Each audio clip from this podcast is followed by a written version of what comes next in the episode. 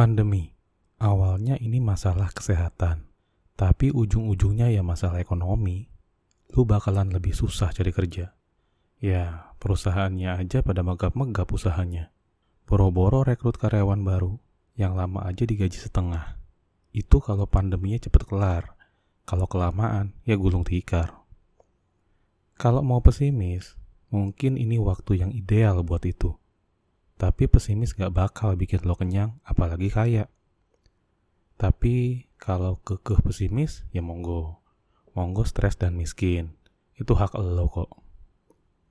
Cuma gini, semua orang sukses itu rumusnya mirip-mirip. Intinya, mereka mampu melihat dan mengeksekusi peluang. Peluang itu muncul kalau ada masalah, yang kalau diselesaikan jadi uang. Kalau nggak ada masalah, ya nggak ada peluang. Jadi kalau pandemi itu bikin banyak masalah, itu artinya kita punya banyak peluang perkara lo nggak bisa melihat apa peluangnya, yaitu derita lo. Makanya, belajar kreatif, nyontek buat dapet nilai bagus itu cuma berlaku di bangku sekolahan, nggak laku di kehidupan nyata, Bambang. Ya udah, mulai sekarang cek sekitar.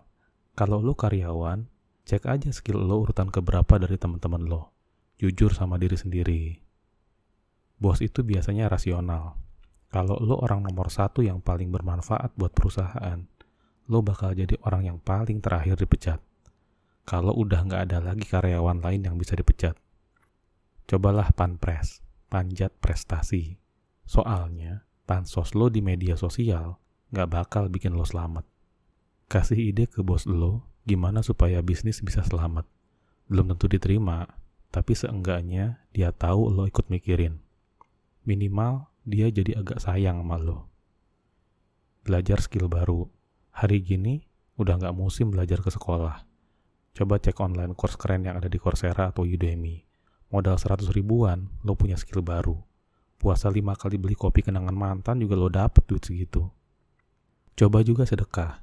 Kalau lo religius, mestinya lo percaya kalau sedekah itu bisa nolak bala alias nolak sial. Tapi kalau lo ateis sekalipun, percayalah, sedekah itu seenggaknya bisa bikin lo merasa bukan orang yang paling miskin sedunia. Kalau hati tenang, pikiran juga lapang. Tapi kalau lo merasa orang paling menderita, nih gue kasih lo soundtrack biar tambah menjiwai.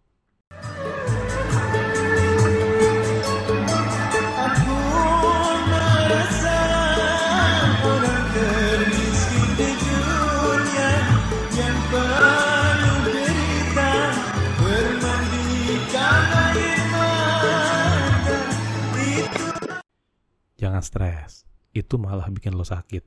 Kalau pas sakit terus kena corona, ya inalilahi deh. Kalem aja.